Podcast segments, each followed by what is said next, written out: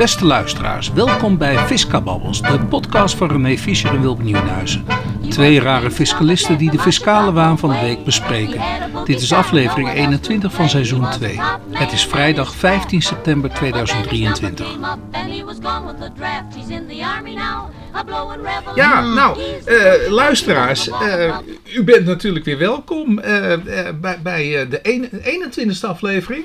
Toch, René? Ja, ja na die uh, 7, 8 weken ben ik wel een beetje kwijtgeraakt. ik, dacht, ik dacht aflevering 21, ja, weer ja. na de zomervakantie. We zijn weer lekker, uh, weer lekker aan de slag gegaan. En, en er waren luisteraars en die waren bang dat we al gestopt waren. Ja, dat, dat, dat is ook iets overdreven. Moet Overigens moet ik wel zeggen, ja. uh, de eerste paar weken dat je weg was, zakte wel de, de nieuwsgaring ja. op het gebied van de fiscale waan van ja. de week. Dat viel wel erg terug hoor. Er was ook weinig. Er was, was niks echt weinig. Nee. Maar vorige week begon het toch weer. Ja. ja. Nou ja, goed. Maar het was uh, gewoon ook rustig. Maar vorige week of de week daarvoor, daar begon het weer. En het begon eigenlijk met. Uh, een, uh, een, een, uitspraak van uh, rechtbank Midden-Nederland over de proceskostenvergoeding. En daar gaan we het vandaag okay. ook lekker over hebben. Oh, wil je het daarover hebben? Oh jeetje, dan moet ik hem wel weer even lekker openen natuurlijk. Maar begin er alvast maar even mee, dan ga ik hem openen. Ja, die proceskostenvergoeding, dat ging over de, de VOS. En er was dus een no cure, no pay kantoor. En die diende voor een aantal VOS-cliënten eenzelfde soort uh, uh, uh, beroepsschrift in. Ja. Bezwaar en beroepsschrift. Ja. En toen in al zijn wijsheid vond de rechtbank dat dan toch de bezwaarkosten en proceskostenvergoeding gemitigeerd zou kunnen worden. Ja. Tot een, een, een, daling van het aantal punten. Nou ja, daar heb ik me toch over opgef nou ja, opgefroten.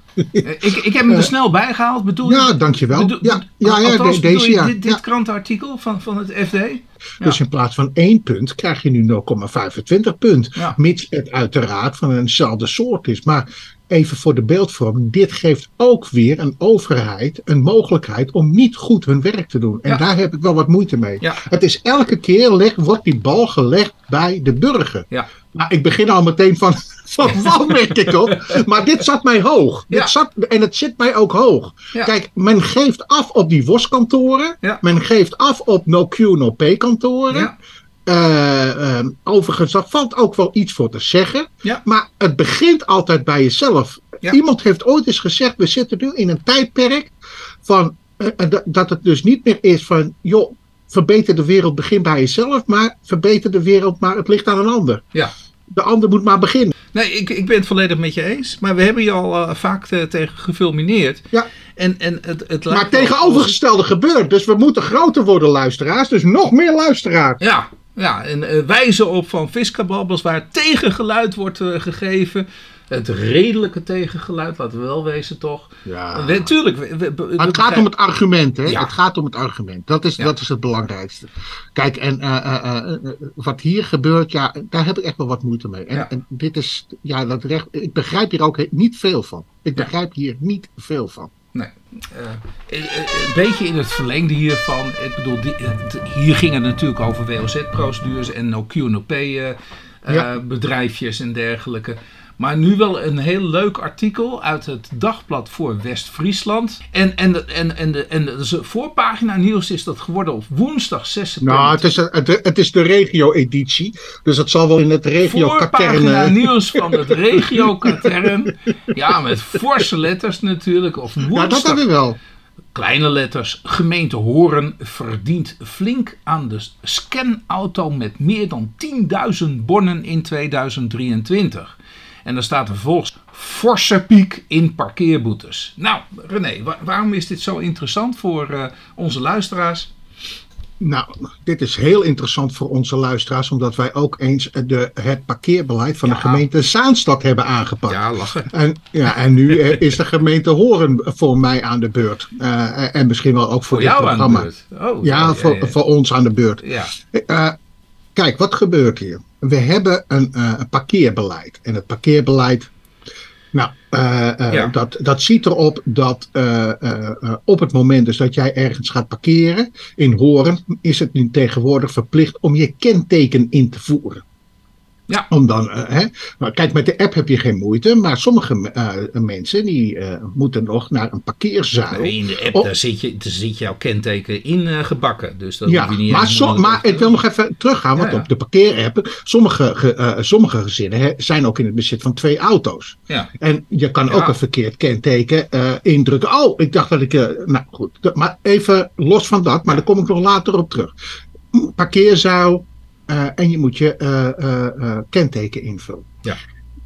Ik- dat artikel gaat erom dat sommige mensen daar moeite mee hebben. Die vergissen zich. En eh, nou goed, dan krijg je een, een parkeer. eh, eh, eh, kent, of heb je het op het onjuist kenteken? Nou, heb ik, je ik moet auto toegeven, aangemeld? Het, het, het leek mij heel stug dat je kunt vergissen in je kenteken. Maar ik moet Ja. toegeven, nee, nee, nee, wacht even. Af- Afgelopen dinsdag had ik afspraak op, op, de, op de Hogeschool van Amsterdam met een collega. En, en toen parkeerde ik mijn, mijn auto in de parkeergarage. Maar om die parkeergarage weer in te moeten komen, moest ik mijn kenteken intypen. En, en toen zat mijn vinger, ik heb een grote vinger.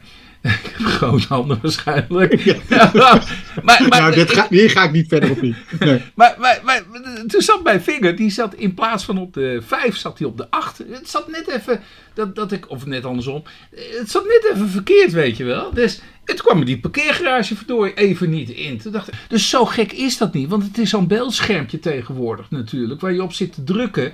En dat beeldschermpje is ook niet altijd even nauwkeurig natuurlijk. Het is niet zo'n druktoetsje waar je moet intypen. En dan gaat het inderdaad mis. Ja, ja, kennelijk gebeurt dat hier heel veel. Maar wat, wat, wat is nu de actie? Er rijdt continu een scanauto eh eh, eh, eh, plaats. Ik, en dat gaat best wel rap hoor, Wilbert. nee, dat wordt gaat met een flink tempo. Ja, ja. Ja. Dat gaat echt met een flink tempo. Ja. En vervolgens uh, word je dus, als jij dus een onjuist kenteken hebt ingevuld, word jij meteen beboet. Nou, beboet, ja. je krijgt een naheffingsaanslag, ja. parkeerbelast. Is dit juist, Wilbert? Nee. Nee, nee, nee. Want in 2016, op 26 februari 2016, heeft de Hoge Raad al besloten dat het enige enkel feit dat jij van belang is in dit geval, is of jij de parkeerbelasting hebt afgedragen. Want namelijk in de gemeentewet is er geen ruimte voor om iets anders uh, neer te zetten. Dat een kenteken leidend zou moeten zijn of iets dergelijks. En de conclusie is dus dat deze gemeente niet aan zijn uh, verplichting voldoet. Want ik zie dus in dit artikel een gemeentewoordvoerder, uh, in dit geval Jenny Heike-Meijer, uh, het volgende op, opnoemen. Als parkeerders zelf een fout maken, wordt de zaak volgens de gemeente ook vaak geseponeerd. Let op hè. Ook daarvoor moeten mensen kunnen bewijzen dat ze een parkeergeld wel netjes hebben betaald. De gemeente wijst vooral op de positieve effecten van de scanauto. Ja, natuurlijk. Ja. Kijk, die, dit uh, is dus precies hetzelfde. Nou, inderdaad, Wilbert. Dit is het knijp- en piepsysteem. Ja. We gaan op fouten. Uh, dus we hebben wet en regelgeving. Dat heeft de uh, Hoge Raad ingevuld. Hmm. Mm. Maar we gaan desondanks vanaf al 2016, we zitten nu in 2023, gaan wij foutief uitvoering geven aan de wet. Want zie jij in dit artikel de Hoge Raad 2016 genoemd worden? Nee. Nee, ik ook niet. Nee. Ik heb zelf ook voor een, uh, uh, voor, uh, nou in dit geval een bekende van mij, wordt dus het volgende antwoord gegeven op het bezwaar. Waarin dus expliciet gewezen Dit is wordt op het hè? arrest. Ja, ik heb het alleen maar over gemeente horen. Leuk. Ja, hier uit onderzoek blijkt dat een onjuist kenteken is ingevoerd. Namelijk puntje, puntje, puntje. Hierdoor lijkt het doordat voor de geparkeerde auto geen parkeerbelasting is betaald. Omdat het ingevoerde kenteken maar weinig verschil met het kenteken van de geparkeerde auto, besluit ik de naheffingsaanslag te vernietigen. Wilbert, het lijkt nu alsof het uit coulance is. Ja, ja, alsof, ja. Uh, nou, dat is toch van de gekken. Ja. Uh, terwijl ik gewoon de Hoge Raad heb. Overigens ook in dit Zeker geval geen proceskostenvergoeding, hè? Geen proceskostenvergoeding, niet voldaan aan de hoorplicht. Je kent het allemaal wel. Dus wat, hoe luidt het be beroepsschrift? Er vol in, hè? Gewoon integrale kostenvergoeding. Ja. Wegwezen. Ja. Ja. Kijk, ik heb hier, en ik ga ook wonen, dat heb ik ook alweer gezegd. Oh, ik ga hier dus ook tegen. Nou, Wilbert, dat is toch ook de reden? Ja. De, uh, dit is parkeerbeleid. Ja. Hier kan precies naar gewoond worden om te kijken. Joh, hoe verhoudt nou deze gedragingen van de gemeente zich ten opzichte van, die, van het arrest? Ja. Want blijkbaar ligt er heel veel informatie, want ze weten exact te vertellen ja, dat er van de 1630 parkeerders die bezwaar aantekenden, dat er 28% van de gevallen, dus het ligt heel veel info intern. Want dus hier moet heel veel over gecommuniceerd zijn binnen de gemeente Horen. Ja. Maar leuk hè, dat dit uh, toch, uh, ja, weet je, alles uh, komt dan tegelijk. Ja, René, we gaan verder. We gaan verder met... Nou, eerst nog eventjes oh. terug. Ja, want er is ook heel veel gebeurd, Wilde. Oh. Er is heel veel gebeurd. Oh. Ja. Maar daar had je me niet ingestuurd. Nee, dat had ik niet ingestuurd. ik, kan, ik had het je wel vooraf verteld. Niet dat wij nu echt dit helemaal uitspreken. Want de gemeente op meer, denk ik? Ja, ja, ja, ja, ja. We hebben maandag hebben we een zitting gehad, Wilde. Oeh. Ja, oeh, maatregelen zit ik. Eigenlijk hadden we hiermee moeten beginnen, joh, dan. Nee, dit, dit, dit, dit, eh, dit, kwam. Ik was hier gisteren mee bezig. Oh. En toen dacht ik ook, ja, hier kunnen we ook mee beginnen. Het maakt mij niet uit waar we mee beginnen. Het is allemaal even heftig. Het is allemaal even allemaal heftig. even heftig, ja. Maar heel kort, niet waar, waar, gaat het even, eh, even over? Het gaat natuurlijk uiteraard wow het stukje land hiervoor, uh, daar, daar wil men uh, op bebouwen. En uh, men heeft dus een, in samenwerking met de projectontwikkelaars probeert men een stuk grond te exploiteren. En heeft ook de gemeente op meer een, een onroerend goed gekocht. Die ze gewaardeerd hebben op een rotprijs van, nou ja, veel te laag. Belachelijke prijs. Ja, 260.000 euro. 260.000 voor, voor uh, 4000 vierkante meter grond en okay. een uh, boerderij van. Uh, René, kijk, even en, terug. Nu, nu is er een meneer uh, in de omgeving, neem ik aan. Die er woont in de omgeving, toch? Ja. En die heeft gewoond. En waarom heeft hij dan gewoond? Oh ja, die heeft gewoond, ja. Omdat. om, om te kijken waarom heeft hij gewoond? Hij wil onderzoeken. Hij heeft vragen gesteld aan uh, de gemeente Opmeer om te beoordelen in hoeverre de gemeente de wet volgt. De aanbestedingswet. Of dan wel dat er uh, uh, verboden staatssteun heeft plaatsgevonden. Kijk, en telkens, uh, wij zijn dus ook verplicht, of althans de woonindiener is verplicht, om telkens na een bepaalde periode weer een nieuw herhaaldelijk woonverzoek in te dienen. Ja. Afhankelijk van de informatie die nou, dus wel verkregen wordt. Is, is ertoe verplicht? Ja, is ertoe uh, verplicht. Om die informatie te krijgen. Ja, hij, hij kan elke keer opnieuw dus een woonverzoek indienen. Sterker ja. nog, hij, hij, hij, doet er verstandig aan om dat te doen. Ja, zeker. Ja, dat heeft de rechter ook beaamd. Elke keer gebeurt er wat meer in dat dossier. Ja. Ja. En elke keer komen er meer stukken natuurlijk, worden er geproduceerd over het desbetreffende onderwerp. En dan, dan moet hij dan toch ook inzage in krijgen. Dan moet je daar elke keer toe een verzoek indienen, toch? Ja, zo, ja, zo ja. zit het. Zeker. En wij zijn al aan de gang sinds, sinds? 1 februari 2022. Juist. En dus voor, de, voor onze trouwe luisteraars die weten, we hebben ooit eens geprobeerd om de uh, uh, informatieuitvraag te bespoedigen door middel van het aanvragen van de voorlopige voorziening. Ja. En die voorlopige voorziening bij de rechter. eh, bij de rechter. En vervolgens heeft de gemeente een, ander verhaal, nou, een verkeerde voorstelling van zaken gegeven. Nou, die, Laten- de, de, laat ja, nee, laten we gewoon even een puntje bepaaltje noemen. De ambtenaar in kwestie zei die tegen- namens het college. de ambtenaar in kwestie zegt namens het college van BNW, want we hebben maar één document, een Word-document in progress. Er is niets Niets meer. meer. Alleen één Word-document in progress. Nou, toen al dacht de rechter, dit kan nooit kloppen. Nee, Ja, maar maar ze ja. had ook niks anders.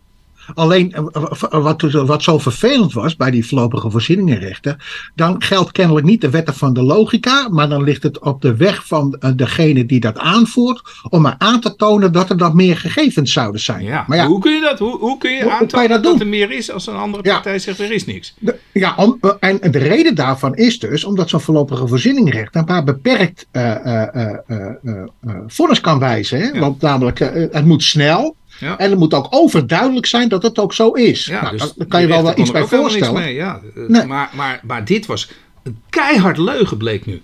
Ja, dat blijkt sowieso. Maar vervolgens hebben we iets anders, want we hebben ook termijnen. En Ja. die termijnen gelden dat een, eh, eh, die zijn zo ingericht dat een eh, bestuursorgaan binnen een bepaalde periode moet beslissen op een woonverzoek. Is een beroep aangetekend. Ja. Een beroep aangetekend op A. Het niet nemen van een beslissing en B. De ingebrekenstelling. Dus leg maar een dwangsom op rechter. Dat is dan de, de vraag. Ja. Dus maandag, afgelopen maandag was de zitting. Ja. Nee. Maar de rechter, die was nogal fel tegenover de, het bestuursorgaan, de gemeente op meer. Ja. Wij hebben dus een ingebrekenstelling gehad. Eh, de gemeente daarentegen, die, die ging voor twee ankers liggen. Wat dacht je wat het eerste punt was, Wilbert? Nou, De proceskostenvergoeding. ja. Heb ik wel Dus te maken zegt, met een waar- deskundige. Ja, ja, ja inderdaad. dus dus die, me- eh, eh, eh, de rechter die vraagt aan mij, joh, eh, Nou, de rechter had eerst eigenlijk aan de gemeente eh, eh, mevrouw moeten vragen, maar bent u wel deskundig? nee, dat hebben ze ook gevraagd. Oh, Nee, dat, dat nee, nee, nee, nee, gevraagd? sorry. Nee, nee, nee, Oh, oh, nee. oh. nee. Werd aan de gemeente gevraagd in eerste Want instantie. dat is een woondeskundige. Ja, ja, ja. Ja, ja, dat bestaat ook Ik niet. weet niet waar die titel vandaan komt, Nee, maar dat nee. mens ja, eh, het kan geen juridische titel hebben, die mevrouw. Nou, in ieder geval geen woonjurist. dan. Nee, maar, maar heeft, ze, heeft ze een juridische titel? Ja, dat schijnt van wel, ja. Echt ja. waar? Ja, ja, ja. ja. Nee, dat maakt mij niet wijs. Nou ja, dat is wel zo. Althans, een vroete titel, hè. Dat, wil- dat wil niet zeggen dat ze hem heeft natuurlijk. Maar goed, dat is even een ander verhaal. Je zou eigenlijk nog eens een keer navraag moeten, moeten doen of dat echt wel zo is. Want dit kan ik me niet voorstellen. Wat Nee, ik nu dat- allemaal heb gehoord hè, van je. Dus ja, dat is, maar, maar het gaat nog is- verder. Wel, maar het gaat nog verder. Het wordt nog erger. Oh. Het wordt nog erger. Ga verder. Dus er wordt gevraagd aan, eh, aan de woonjurist namens het college van BMW van de gemeente Opmeer. Ja. eh, wa- wa- wat wilt u? Kunt u, kunt u dit standpunt ex, expliceren? Kunt Ja, u naar de toelichting geven? Waarom is meneer. Fischer niet deskundig? Ja, eh, ja, hij is eh, belastingadviseur. Dan eh, ben je niet voor de WO. En ja, dan vraag ik me af of hij daar wel belastingadviseur is deskundig niet voor de wou. Zo. Nee, precies. En dat je dus wel deskundig bent. Nou, eh, dus ik, eh, aan mij vervolgens het antwoord, ja, meneer Fischer, wilt u daarop reageren? Ik zei, ja, prima. Eh, nou, u ziet, ik ben belastingadviseur. Ik heb gewoon de opleidingen genoten. Ik verdien hier een boterham mee. Ik, ik breng een factuur in rekening bij mijn cliënt. Ja. En vervolgens, ja, wat ik vind is dat, ja, sorry dat ik het zeg, maar belastingrecht, dat maakt toch onderdeel uit van het bestuursrecht. Ja. En hoe moeilijk kan het zijn? En het is ook bestuursrecht, bestuursrecht. ten opzichte van. Dit zijn allemaal onderdelen van het bestuursrecht. Of Ja. zie ik dat verkeerd? eh? Ja. Nee, nee, nee, dat ziet u hartstikke goed. Nee, dat lijkt mij ook. Ja. Nou ja, Dus, eerder vragen aan heeft u hier nog wat op de- eh, bent u wel? ja, ja, ja. Nou, maar ja, dat is ook weer niet gepast, hè? Dat, dat, dat Oh, soort, dat is eh, niet gepast. nee, Nee, althans, nee. ik. Nee, Nee, maar nee, we mogen nee. het hier zo natuurlijk op deze Ja, hier wel. Ja, je zou die je- vraag willen stellen. jou ja. natuurlijk, ja, je zit, eh, ja, echt hoor. Je zit gewoon op hete kolen, joh. Dat je denkt van, wat, wat Ah, moet je nou? Maar goed, dat, maar, die, maar die rechter zegt zo, heeft u daar nog wat op toe te voegen? Ja. Nou, nou eh, niks dus. Dus Zo. ik zeg, nou, dan staan we hierop klaar. Hup. En vervolgens gaat ze het hebben over haar tweede standpunt. In hoeverre zij dus deelbesluiten mag nemen. Ja. Dus zegt de rechter, nou, dat deelbesluit, dat mag u gewoon nemen. Daar, daar zijn gewoon eh, eh, eh, uitspraken over van de Raad van State, arrest van de Raad van State. En daarin staat ook precies beschreven aan welke voorwaarden u dan moet voldoen. Ja. Dus je hebt aan de ene kant op wat voor antwoord u vraag, op wat voor vragen antwoord wordt gegeven. En in, in we- op welke termijn u het volgende deelbesluit kan eh, nemen. Want namelijk in het licht ook van de gestelde termijnen. Ja. Ja, maar dat is niet meer relevant. Want eh, belanghebbende heeft gezegd, of eiser heeft gesteld, wij willen geen deelbesluiten meer. Ja, maar u stelt nu in uw verweerschrift dat u deelbesluiten wenst te nemen. En toen kwam er een heel verhaal, Wilbert, over. En toen stak ze af met. Eh, eh, ja, van hetzelfde adres heeft de belanghebbende zoveel woonverzoeken ingediend. En Allemaal op dit betrekking hebben. eh, heb dit, ja, dit betrekking hebben. En toen zei, wendde de rechter zich tot het eiser. En die zei zo: Ja, maar u doet niks verkeerd hoor. Dat is logisch. Want namelijk, dit is een doorlopend proces. Ja. En je kan dus niet, ja, het is tot een bepaald tijdstip. Ja, en dan moet je gewoon weer een nieuw verzoek indienen. Dus dat Ja. is niet anders. Maar ik neem aan dat u, dat u dit laat rusten. Of voldoe ik, dus eigenlijk voldoe ik nu mijn tijd. Ja. Hè? O- o- o- o- Want u stelt dat hier, maar kennelijk heeft u dat laten varen. Ja. Ja, maar. Nou, Ja. Toen kwam er nog een, eh, eh, een ja, maar. Ja, maar, maar, maar nogmaals, u laat dit dus varen. Beide punten Daar zijn kwam ze erover. niet uit. Dus Ja, ja, huppakee, dus- dwangsom erop. Ja, dat, dus, dus na afloop zei de rechter ook, want, we, want ik had toch wel wat voorbereid, want je weet nooit hoe dit soort processen gaan lopen hè, tijdens Mhm. die zitting. Dus ik heb nog best wel een pleitnota gemaakt, maar dat was helemaal niet meer nodig, joh. Ja. Dus, dus, dus, dus om die rechter te overtuigen, die, die, na afloop zei ze, nou, u, u, ontvangt, eh, u ontvangt de uitspraak die u, mag, die u kunt verwachten. Eh, Of die u verwacht. En eh, nou ja, het, de uitspraak is ergens in oktober, 22 oktober. Ik zeg, zo laat? Ja. Ik, ik denk, dat kan toch wel zoveel eerder, want namelijk, eh, Nee, maar het- wacht, de uitspraak is nu toch wel al, al bekend, want we Ja. zijn al bezig vanaf 1 februari 2022. Ja. En we hebben nog niets, geen enkel verzoek is afgerond, geen enkel. Ja. Nou, en toen zei ze, nou, dit is genoteerd en ik zou dat ook gezegd hebben als adviseur. Ja. Ja, maar dat is toch ook zo, ja, Wilbert? dat is ook zo. En, en- en wat ik ook heel vervelend vind, is dus dat die gemeente dan Ja. weer al, eh, ja, allemaal weer toezeggingen doet die ze toch niet kunnen nakomen. Ja. Dat is gewoon verschrikkelijk. Dat ben ik echt. nou, René, dus- eh, we gaan nu Nou, toch dit afkappen. Toch? Ja, nou ja, goed. Ik vond het wel Ja, we aardig. moeten verder, want, want, want We eh, moeten verder, we eigenlijk moeten in dit verlengde kunnen we misschien ook wel hier naartoe gaan. Ja, zeker. Datgene wat hier staat. Zeker. En, en, en, en de titel luidt Vertrouwelijke Belastingombudsman. Ja, de, de, staatssecretaris Van Rij die vindt dat deze nieuwe belangenbehartiger een onafhankelijke positie moet krijgen. Ja, ik vroeg me ook af eh, wat, eh, wat nou het nut was van een, een tax advocate. Want kennelijk is dat vanuit Amerikaans model, eh, schijnt dat wel erg te werken. Ja. Die moet burgers en bedrijven helpen die vastlopen bij de fiscus of financiële problemen ondervinden door een belasting- of toeslagengeschil. Als belangrijkste reden voor een plek binnen de fiscus noemt eh, eh, de staatssecretaris de toegang tot vertrouwelijke informatie. Het vo- voordeel van een tax advocate die deel uitmaakt van de IRS, want het is een Amerikaans model, is dat deze rechtstreeks toegang heeft tot alle informatie van de belastingplichtige met inachtneming van de geheimhoudingsplicht. Dus we gaan binnen de Belastingdienst, wordt Ja. zo direct een ombudsman aangesteld. En die gaat dan de eigen Belastingdienst, waar hij zelf een deel van uitmaakt, die gaat hij dan eh, kritisch eh, beoordelen. Ja, in, voor individuele gevallen kennelijk. Ja. Nou, Nou, ja. René, nou ja, daar heb ik twee punten op te zeggen.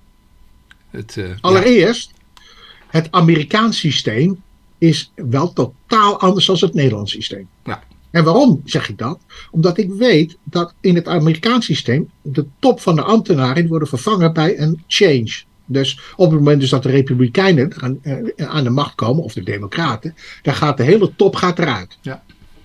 Dat hebben we hier in Nederland niet. Nee. Want als we nou een rechts- of een links kabinet krijgen, om maar even in die oude termen te blijven, Ja. de ambtenaren blijven zitten. Ja. En die verschuiven niet. Ja. Dus ja, dus dat is ook al anders. Ja, dus we hebben Tweede- zo direct iemand en die zit daar eh, zijn werk te doen. Maar eh, die, die werkt continu met zijnzelfde collega's. Ja, Ja. Dus dat is een lekkere onafhankelijke... kijk, en, ja. ja maar kijk, in, Amerika heb je iets van checks en balances. hè? Ja, maar dat heb je hier niet. Nou, niet in die mate. Nou, in die mate helemaal niet. Want die, de topambtenaren die blijven allemaal zitten. Ook al misfunctioneren, dysfunctioneren ze als, als een gek. Ik bedoel, dan worden ze wel ergens anders in een toppositie neergeknald. Ja. Ik bedoel, het- ja, dit, dit maakt het echt eh, beter erop. Kijk, Ja. zet hij er nou echt een ombudsman op? Maar die hebben we al. Ja, die hebben we al. Dus wat, precies. Dus wat is dan de toegevoegde... En die, die, Nou, echte en- ombudsman, dat is nog wel een echte ombudsman. Dat vind ik ook wel. Alleen onder mijn man van heb ik jou daar. Onder mijn minst. Ja. Eh, onder, oh ja, sorry. Onder mijn mensen van heb ik jou daar. Maar, eh, dus er zou veel meer geld dan ingedaan moeten worden. Maar eh, hou het daar gewoon. Ja. Wat, wat is dit voor gelul? Nou, wat mij ook nog steekt is in hoeverre deze eh, tax advocate in concurrentie treedt met de markt. Want Ja. namelijk, dit is, dit is gewoon ook wat, wat, wa- wat wij. Nou, kijk, ik ben daar niet zo bang voor. Want wie, wie zou jij, je bent eh, belastingplichtige, Nou. zou jij je zaak gaan aanbrengen bij de tax advocate eh, zonder een belastingadviseur in te schakelen? Ik niet. Nee, ik zou het ik ook niet doen. het Kijk maar naar die maar als een soort eh, bezwaarprocedure. Maar daar hebben we toch al een bezwaarprocedure ook al voor. Ik, ik Ja. bedoel, de bezwaarprocedure Ja, bezwaar in beroep, ja. Die wordt Ja. bij een andere, zogenaamd ook weer een andere inspecteur, wordt het ondergebracht, zodat er een, nou ja, onafhankelijk oordeel wordt gegeven door de tweede inspecteur. Nou, we weten ook natuurlijk dat die collega's het niet gaat afvallen. Dus in bezwaar, eh, dat je echt zegt van nou, dat, dat is nou goed geborgd. Wat een onzin ook weer. Alleen als er Ja. inderdaad echt een fout is gemaakt. Nou ja, en, en de feiten liggen iets, anders. Dan zegt zo'n inspecteur, ja, ja, ja, dat had wel eerder boven water kunnen komen. Nu u dat zegt, ja, dan kan ik me er wel bij indenken. Ja. Maar, maar ja, die gaat ook zijn collega's niet afvallen.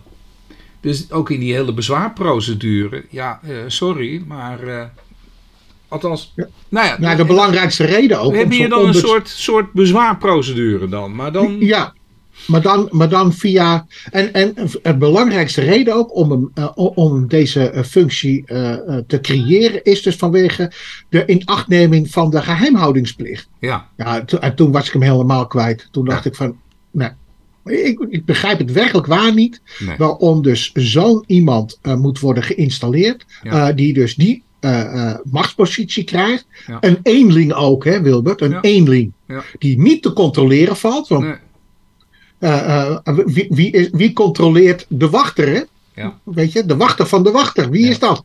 En eh, ondemocratisch, want die wordt ook weer benoemd voor zoveel, eh, zoveel tijd. Ja, En vervolgens, ja, om maar toegang te krijgen tot die geheimhouding. eh, Ja. in, met een achtneming van die geheimhoudingsplicht. ja. Ja, dat kan toch op een andere manier ook. Eh, coalitie eens over nieuwe box 3-heffing. Ja, een combinatie van verwogen- vermogensaanwasbelasting en vermogenswinstbelasting. René, waar zijn we nou weer mee bezig? Ja, waar zijn we nou weer mee bezig? Precies dat dus, Wilbert. Precies dat dus. Kijk, eh, men moet iets iets, want namelijk de Hoge Raad heeft al eind 2021 een, 21. s- 21, hè, we zitten nu in 23, Ja. een streep gezet tot die box 3 heffing. En men is nu bezig om over eh, het graf te regeren door een nieuw stelsel van box 3 heffing eh, te creëren. Ja, en, Bestaande- en nu even, en wanneer zou dat ingaan, René? Nou, daar komt hij dan. Op z'n vroegst in 2027. Ja, toen brak ook mijn klomp. Waar- waarom moet dat ah, zo, Zo lang duren? Ja. Als je een systeem hebt wat robuust is. Ja, Kijk, Wilbert, wij hebben ooit eens een keer gezegd: joh, stelsel op de kop. Ja. Voer gewoon een vermogensbelasting Ja. in en klaar. ja, dat roep ik al de hele tijd, maar ja. Ja. Maar kennelijk is dat Nee, maar dat is moeilijk. Ja. Dat is moeilijk. moeilijk, moeilijk. Hey, maar wat, wat, wat, is, wat is er nou eh, een bezwaar eh, tegen om gewoon een vermogensbelasting in te voeren? Nou, dat moet je niet aan mij vragen, Wilbert. Want ik verbaas me er ook altijd over. Kijk, je moet een eenvoudig. Kijk, dat box 3 systeem, wat je er ook van mocht vinden. Vanaf 2001 heeft het heel lang zijn werk gedaan. Tot Ja. 2021, om Ja. het maar zo te zeggen. Ja, toch? Ja, maar, Eh, nou ja, het was, het was in die- principe was het vrij had- eenvoudig. Jawel, maar men had natuurlijk een percentage moeten aan, aan laten passen naar, naar de rente en dergelijke die we kregen. Ja. Als dat was gebeurd, ja, maar Ja. de rente die stortte helemaal in. Maar had men dat gedaan in die tussentijd, redelijk reagerend op, je hoeft dat niet meteen eh à la minuut te doen, maar redelijk reageren. eh, en dat die 4% dat die er vanaf gesodemieterd was, Ja. ja. dat die was teruggebracht. Dan had niemand er een probleem mee gehad. Nee, Dan en ik denk nu, met een Maar- stijgende rente, dat je gewoon het systeem in stand kunt houden. Je krijgt Ja. dus eerder heb je een minder eh, opbrengst uit box 3. En vervolgens krijg je nog een meer opbrengst uit box 3. Ja. En ik denk ook dat dat veel eerlijker zou zijn geweest. Alleen, de rechter heeft het afgekapt omdat ze niet aan dat, aan dat percentage van die vermogensrendementsheffing wensen te komen. Je had ook nog kunnen overwegen om, de, in- eh, om het tarief te verhogen. Dat heeft men dus ook gedaan. Maar wat gaat men nu doen? Of wat heeft men gedaan? Men maakt een split tussen eh spaartegoeden, overige tegoeden En schulden. Ja. Dit is het stomste wat ze ooit hebben kunnen doen. Echt hoor. Nou ja, dus eh, Ja. dit, dit, dit, dit krijgt er wel een gevolg, Nou. maar ik hoop van niet. ja, eh, coalitie eens. Ik bedoel, dat is nog het ergste. Ze zijn het er nog mee eens ook. Ehm, de- de- deze snapte ik niet, maar dat Nee? ga jij mij uitleggen. Fiscale megaclaims voor boeren die bomen planten, met dubbel T. Dus die hebben bomen geplant. Een bijzondere vervelende verrassing. Er is een verrassing, begrijp ik. Ja, we er is hebben iets ergens niet op kunnen rekenen, iets wat we niet wisten. Nee, nee. Of nee, is dat wel nee. zo? Nee, ze- nee, kennelijk gaat men, gaat men faciliteiten in het leven roepen. Ja. Maar de minister van Landbouw houdt, niet, houdt geen rekening ermee hoe eh, het, het ministerie van Financiën, in het bijzonder de staatssecretaris van Financiën, over eh, de eh, aangeboden eh, faciliteit van het ministerie van Landbouw denkt. En- Oh, oké. Oh, Oh. het heeft, oh, het heeft financiële gevolgen. Ja, nou goed, wat, wat gebeurt er? Wat is nou het Oh, idee? oh. Je hebt dus, eh, eh, eh, nou ja, je hebt de vergroening. En er wordt dus aan boeren gevraagd om voor een bepaalde faciliteit in aanmerking te komen. Ja, jij moet bomen gaan planten op jouw landbouwbedrijf. Ja. Dan voldoe jij aan het aantal bomen Althans, dat wil het ministerie van Landbouw. van landbouw. Dat is de faciliteit. Nou, wat gebeurt er?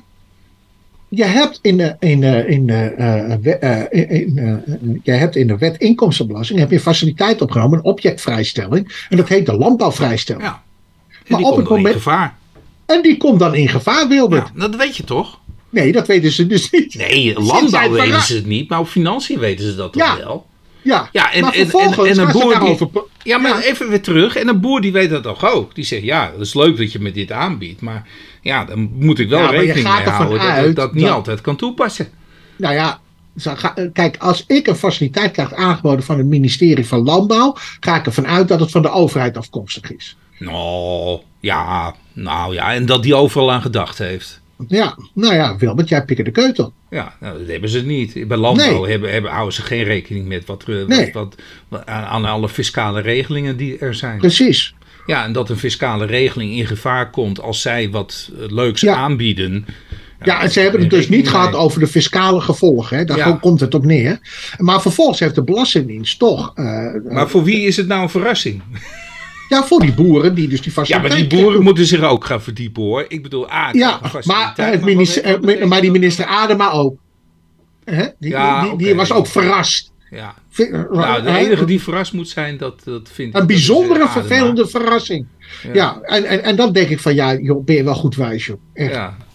Nou, dan gaan we er eentje voor mij doen. Eh, Gelukkig. Is dat leuk of niet? Eh, nou ja, ik weet het niet. Eh, eh, titel uit. Ja, nou ja, ja, in zoverre is het leuk. Laat maar. Eh, eh, titel uit. Geen verlaagd btw-tarief voor medische hulpmiddel voor huidaandoeningen en huidirritaties. Dus als je jeuk hebt, dan wil je een zalfje. Het zalfje, dat smeer je natuurlijk. En nou ontstaat de vraag, is het 21% of 9%? Want wa- waar, waar kan de discussie over gaan? 9% tarief is van toepassing op medicijnen. En is dit een medisch, ja, is dit een medicijn? Nou, waarom is die discussie ooit een keertje begonnen? De uitspraak is niet, niet vreemd, hè? dus die uitspraak die is van de Hoge Raad van 8 september 2023. Eh, ik vond het niet opmerkelijk, eh, want de wet is gewijzigd. En waarom is de wet gewijzigd? Omdat er een keer geprocedeerd is over tandpasta. Ja, is Oh. tandpasta een geneesmiddel? Ja, en wat heeft toen de Hoge Raad een aantal jaren geleden gezegd? Ja, eh, in tandpasta zit fluor. En fluor heeft een helende werking op de tanden, op het tandglazuur. En omdat iets een helende werking is, heeft, is het een geneesmiddel. Ja, waarheid als een koe. Dat was natuurlijk niet de bedoeling, althans niet de bedoeling van de regering in de tijd en niet de bedoeling van de ambtenaren. Dus wat hebben die gedaan? Meteen een wetswijziging voorgesteld. En die hebben ervoor gezorgd dat alleen dat als je producten die onder een handelsvergunning vallen, die vallen onder dit laag btw-tarief. Ja, en alles wat niet onder die handelsvergunning valt en wat je dus zo bij de drogist kunt verkrijgen, dat valt dus onder het hoge btw-tarief. Nou, en, en met zo'n smeerseltje waar ze het nu over hebben om huidirritaties te voldoen, dat viel dus niet onder die handelsvergunning. Nou, de vond de belanghebbende in kwestie vond het toch niet leuk en die heeft toch geprobeerd van, ja, maar mag dat dan maar, want het is dan toch wel een vergelijkbaar product, het heeft dezelfde werking. Ja, die heeft het gewoon verloren. Dat heet met een duur woord de fiscale neutraliteit. Ja, die deed met een, inderdaad een duur woord een beroep op de fiscale neutraliteitsgedachte. Maar ja, het, hier, hier gaan we toch gewoon nu de wetgever volgen. Die heeft het nu mooi dichtgetimmerd. Is ook veel handzamer, hè, hanteerbaarder, goed toe te passen. En dat is natuurlijk ook belangrijk. Ja. Ja, dus met, met die handelsvergunning is, is er gewoon nu heel veel onzekerheid, is weggenomen. En dan kan de praktijk mee uit de voeten. Punt. Ja, want waarin verschilt nu die Hoge Raad-uitspraak met die Hof-uitspraak eigenlijk? Of de, Nee, niet- de rest nee. van de Hoge Nee, Maar waarom gaat de Hoge Raad er dan toch zo eh, inhoudelijk op in? Want dat hadden ze toch Nou, ook... er, eh, er is wel één ding eh, wat, wat, wat de Hoge Raad hier leuk, nou ja, leuk aan doet, eraan toevoegt. En dat is het, het want in de fiscale neutraliteit ontstaat de gedachte dat wanneer de gemiddelde consument van mening is dat het dezelfde soort product is, ja, dus dan, dan zou het ook gelijk behandeld moeten worden. Hè? Dus ik noem het maar, ja, fiscale neutraliteitsbeginsel, hier een soort gelijkheidsbeginsel. Gelijke producten moeten gelijk behandeld worden. En wie beoordeelt of een gelijk product gelijk is? Dat doet de gemiddelde consument. Volgens het Hof van Justitie. Maar ja, dan ontstaat natuurlijk ook weer, wat, voor, wat, wat is een gemiddelde consument? En wat nu de Hoge Raad wel heeft gedaan, en dat, dat is opmerkelijk, die zegt ja, maar de gemiddelde consument, die moet zich wel meer dan normaal zich hebben verdiept natuurlijk in, in, in het product. Dus we moeten een buitengewoon goed geïnformeerde gemiddelde consument hebben en die maakt dan een oordeel. Maar wie bepaalt dat dan? Nee, de rechter natuurlijk, joh. Nou, oh, box 3, de Ja. internetconsultatie. Ja, waar we het net over hebben gehad. Hè? Ja, maar weet je wat, wat ik nou altijd zo- zo, zo ehm, link vind met die internetconsultaties? Eh, het zijn de, de grote kantoren die reageren, het zijn de belastingorganisaties die reageren. Ja. En er komt zo'n eenzijdig beeld, want dan komt er een heel technisch verhaal met een heel technische eh, reactie van die bedrijven en die organisaties. Maar het, het, het, het grote plaatje, die helikopterview, ja, misschien eh, die eh, in feite wij hier nu aan het doen zijn. eh, dat, dat, dat komt zo slecht boven water dan. Ja, maar het, gevolg is dus dat die politiek, ja, die vindt het ook maar, maar ingewikkeld. En die gaat Ja. er dan vervolgens volgen. Kijk, en, dat is denk ik ook wel het probleem, dat het allemaal veel te technisch wordt. Ja. Eigenlijk wordt er dan geschoten, al, of er wordt geschoten of niet, dat weet ik niet. Kritiek eh, zal ongetwijfeld naar voren komen. Ja. Maar men heeft het nog steeds over dit voorstel. En Eigenlijk zou je moeten zeggen van, joh, dit voorstel is niks. Ja. Voer gewoon een vermogensbelasting in. Ja. Punt. Dat is allemaal eenvoudiger. Daar heb je veel meer aan. Dan eh, eh, zeg maar die consultatie. Ja. En waar ik ook wat moeite mee heb, dat consultatie wil eigenlijk zeggen van nou, burgers, Vertrouw me. u kunt, u, u kunt ook, u kunt ook wat zeggen. En vervolgens wordt er gezegd, ja, dit is sa- in samenwerking met, eh, met, met de burgers is dit, heeft Ja, tot, dat, tot, dat stand gekomen. Maar het zijn alleen maar die organisaties dan en, en, Ja. en de belastingadviseursorganisaties die, die wat technisch Die reageren voelen, natuurlijk. Die zich geroepen voelen om wel wat te zeggen natuurlijk. Ook, ook natuurlijk met hun belangen. Maar, maar de burger wordt die nauwelijks... Die, die, in kennis gesteld. Nou, ja. ja. wordt wel in kennis gesteld, krijgt wel de gelegenheid. Maar die reageert niet. En Nee, maar die kan ook niet doet dan invloed een- een, soort de, ja, semi-democratie laten, eh, Ja, nou ja, daar heb ik wel wat. Ja, En daar heb ik Ja. wat moeite mee. Hey, eh, we gaan naar de volgende. Ontbonden vennootschap heeft geen informatieverplichting jegens de inspecteur. ja, dit is toch wel een aardige, hè? Ja, Ja. Kijk, eh, ook, eh, ja, dit is dus een, eh, een personenvennootschap. En Ja. je hebt natuurlijk ook de rechtspersonen. Ja. Nou, in dit geval gaat het om het volgende. De rechtbank Zeeland-West-Brabant, 23 augustus 2023. Ja. nummer Bree 22, schrap slash 331. Ja. Rechtbank Zeeland-West-Brabant. Ja. En als je terug gaat even naar het artikel, Ja. Dan, dan gaat het om het volgende. eh, is van, de rechtbank is van oordeel dat een ontbonden personenvennootschap gelijkgesteld moet worden met een ontbonden rechtspersoon. Daarom volgt de rechtbank de lijn van de Hoge Raad ten aanzien van verplichtingen van ontbonden rechtspersonen waarvan de vereffening niet is heropend. Ja. Hangende een boekenonderzoek door de inspecteur. Ja. Dus dan ontbinden ze. Na ontbinding stelt de inspecteur een navingsaanslag omzetbelasting vast over Ja. de periode 2015 en 2017. Tijdens het bezwaar tegen die aanslag stelt de inspecteur vast dat de VOF geen vragen meer beantwoordt. Oei. Ja, oei, ja. Wat, wat doet de inspecteur? Die Nou ja. neemt een informatiebeschikking en zendt die naar de VOF. Ja. En de voormalige firmanten komen in beroep en in bezwaar en beroep tegen die beschikking. En met, met onder andere het argument dat, dat de ontbonden personenvennootschap gelijk te stellen is als een ontbonden rechtspersoon. Ben ik slecht te verstaan? Nee, ik zeg die niet meer bestaat. Die niet meer bestaat. Dat daarom volgt, ja, die niet meer bestaat. Da- daarom volgt de rechtbank de lijn van de Hoge Raad. De inspecteur is niet bevoegd een informatiebeschikking Ja, op te leggen. Want namelijk, je moet dus die eh, die personenvennootschap heropenen. Nou, maar hoe doe je dat? Ik, ik zou altijd willen adviseren nu bij een VOF van... joh, komt er een onderzoek? Hup, ontbinden maar die af. Ja, maar dit klopt toch niet? Nee, dat klopt Want, niet. want hoe kan ik dit heropenen? Hoe kan ik die vereffening heropenen? En kijk, Ik voor de vind rechtspersonen weet ik dat wel. Ik vind Want het dan heel kan je naar de rechtbank gaan en zeggen van nou, de- deze ontbonden vennootschap, nou, dat wil ik heropenen. Je kan ook bij een faillissement, kan je gewoon die vennootschap weer eh, doen herleven. Ja, dat hebben ze bij, eh, bij, bij diverse vennootschappen gedaan. Volgens mij bij Fokker ook of zo, dat Mm. dacht ik in mijn herinnering. Du- Dus daar, daar zit gewoon een wettelijke bepaling aan ten grondslag. Maar die personenvennootschap, hoe kan ik dat heropenen? Nou, ik neem aan dat de Belastingdienst in hoger beroep gaat. Want dit, eh, dit lijkt mij Dit een gaat wel heel erg ver, hè? Kijk, Ja. ja. Ehm, volgende is geen revisierente bij lijfrenteafkoopsom. ja. Ja. Dat is een uitspraak van de rechtbank Gelderland, 22 augustus 2023, AWB 22, schrap 1066. Op het moment dus dat jij een lijfrente afkoopt, dan is in de wet bepaald dat er revisierente in rekening kan worden gebracht. Waarom kan een revisierente in rekening worden gebracht?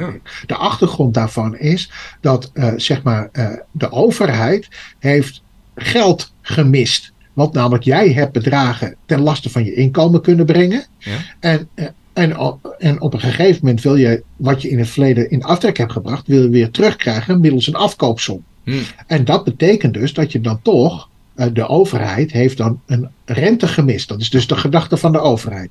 En dan of de, van de wetgever. En dan zal je toch uh, rente in rekening moeten worden gebracht. In dit geval is dat percentage voor de revisierente gesteld op 20%.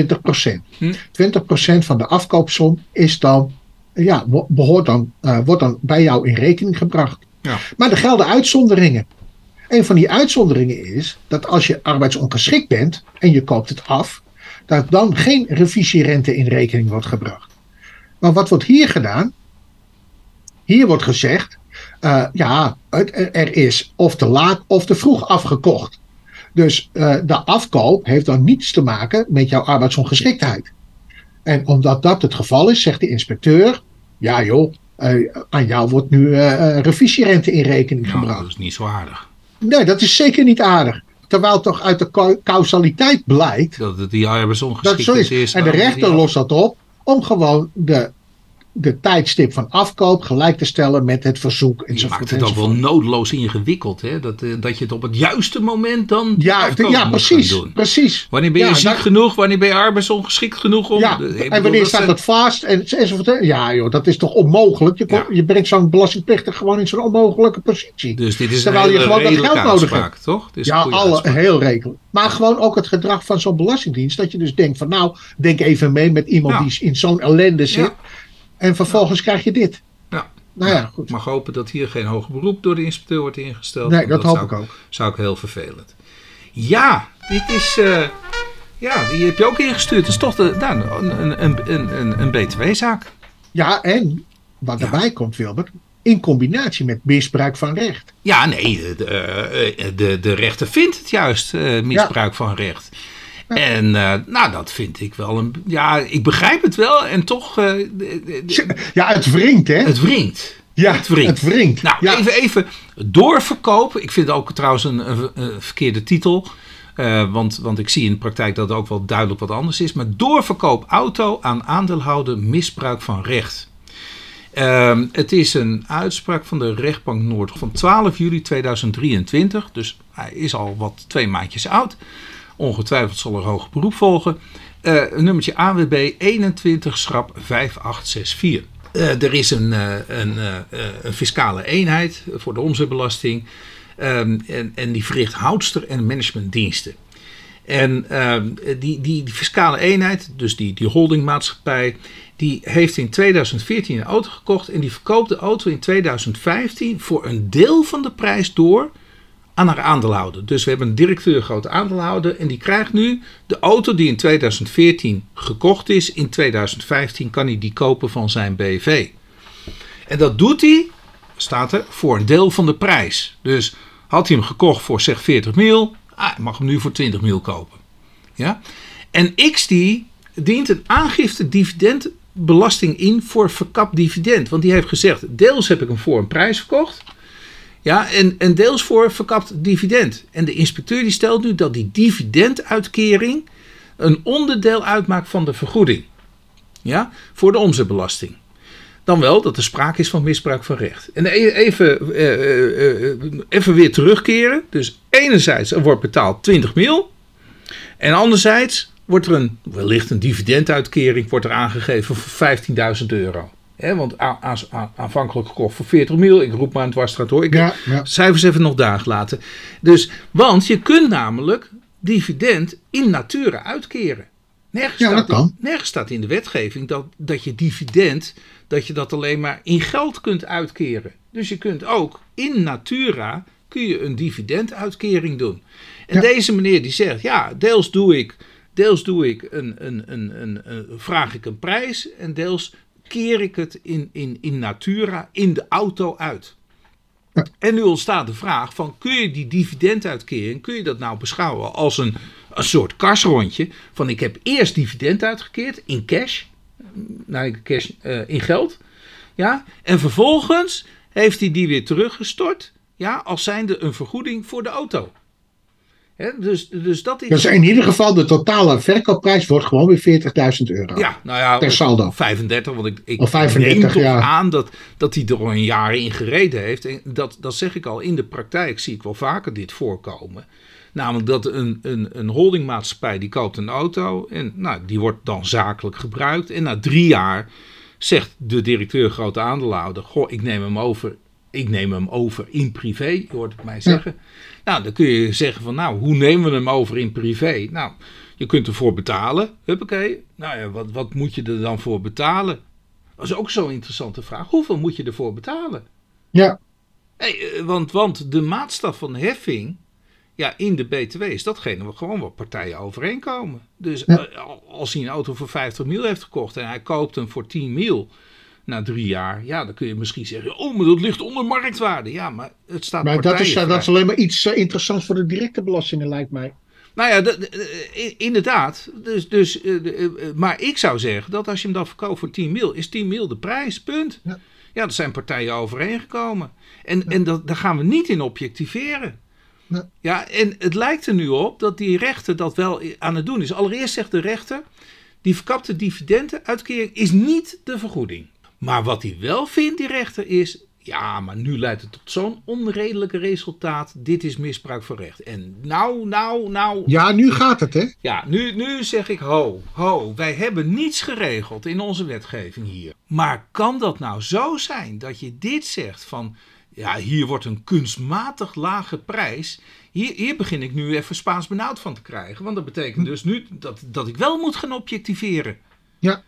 Ja, dus wat, nu, wat ik altijd geleerd heb. Per saldo, hè? Wat is misbruik van recht? Jij doet op een kunstmatige wijze, hè, de term wordt hier ook door die rechter aange, aangehaald. Op kunstmatige wijze ben je iets in gang zetten wat niet de bedoeling is van de wetgever. Nou, en dat, dat vind ik wij. Ik bedoel, we kopen een auto. Die hebben we nodig in de holding. Daar rijden we een tijdje mee. Op een gegeven moment zegt die holding ook. En, en, en natuurlijk de directeur grote aandeelhouder die zegt ik wil, ik wil hem in privé rijden.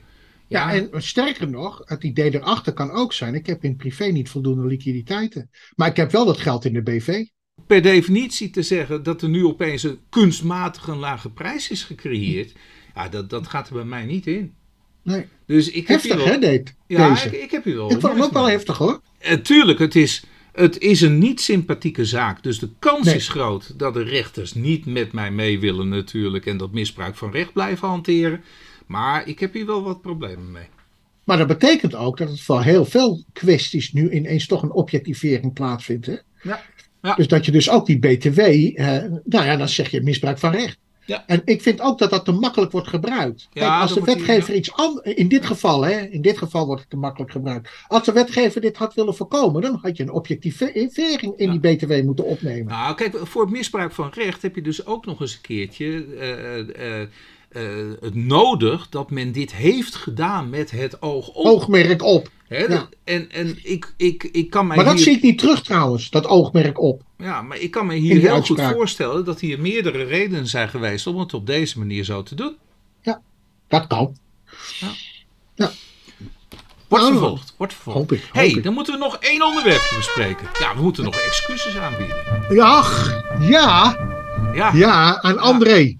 André, ja, sorry. Sorry André, dit was niet mijn bedoeling. En, en ook niet voor René, toch? Ik sprak Nee, nee namens zeker René. niet. Oh, toch niet? nee, nee, nee, Nee, nee, nee, nee. Eh, ja, we, we willen dolgraag deskundige bijstand. Ja, Ja, deskundige zeker. bijstand. Eh, Ja, ik, ik had al er een titel in hebt, maar eh, voor... ja, ja. En luisteraars, het gaat om het pluggen, hè. Dat, Ja, ja, We kijk, hebben het er vorige keer over gehad. Ja, en, en André die, die was hartstikke leuk bezig. Die had, eh, begreep ik het nodig, al ingesproken. Dus een bandje. Het gaat allemaal heel modern tegenwoordig. Wat zouden wij kunnen verbeteren aan onze podcast? Dat die Ja. eh, nog beter wordt. En eh, ja, toen, toen had René waarschijnlijk in een verloren moment, maar heeft hij gezegd, ja, maar ik wil, ik wil niet het, de opzet veranderen. Toch? Zo, zoiets zou je hebben gezegd. Al- Ja, ongetwijfeld. Maar ik kan mezelf ook niet eens meer herinneren. ja maar, Maar, zo is het eh, echt niet de wel. Ja, precies. Dat is wel- Kijk, wij hebben de, eh, en, en even ter toelichting, André, in, in het- de uitleggen, maar wel nog steeds mijn welgemeende excuses dan. Maar wij hebben zelf lol natuurlijk in onze gesprekjes. Toch? En, en dat Ja. komt heel natuurlijk komt het tot stand. Maar dat, dat, en, en, en dat heb je waarschijnlijk ook bedoeld. Ja, we moeten er wel lol in houden natuurlijk. Ja, uiteraard, uiteraard. Nee, maar hij, hij heeft waarschijnlijk hele goede tips. Van, hé, hey, eh, je kunt beter dit zo inkorten. Want het duurt veel te lang, wat jullie allemaal eh, roepen natuurlijk. Je moet veel meer inkorten. Ja, eh, en dat soort tactische tips zal hij hebben. En daar staan wij natuurlijk buitengewoon voor open. Zeker. Ja, Zeker. We dus staan voor alle hierbij- suggesties staan we. Dat, dat roepen we ook. Ja, Telkens. En dat geldt voor, overigens naast André. Als er luisteraars Oh ja. zijn die zich, die Ja. zich eh, toch eh, kenbaar willen maken. ja, En ons van advies en repliek of fiscale eh, vragen Ja. door ons behandeld willen zien. ja. U kunt, nou wij hebben in, tegenwoordig ook een website. Dat is www.fiscababbels.nl NL. En u kunt ons mailen op het adres eh, Fiscababbels fiscababbels.gmail.com Ja. of .com. Dus daar kunt u ons op bereiken. En graag hoor, want we, Ja. interactie is, eh, vinden wij belangrijk. Eh, en wij maken ons vaak ergens boos om. En misschien dat wij dat verkeerd zien. Graag uw commentaar. ja, en André? Oh, ik hoop echt dat je, dat je, dat je ons wil helpen. Ja, Ja? heel graag zelfs. Heel graag. Nou, dan sluiten we Oké. hierbij af. Nee? Nou, We spreken Ja. elkaar volgende week weer. tot volgende week. Ja, oké. Groetjes. Hoi, hoi. Bye bye. Nou, daarom ga ik ook zwaaien. He was a famous trumpet man from Chicago.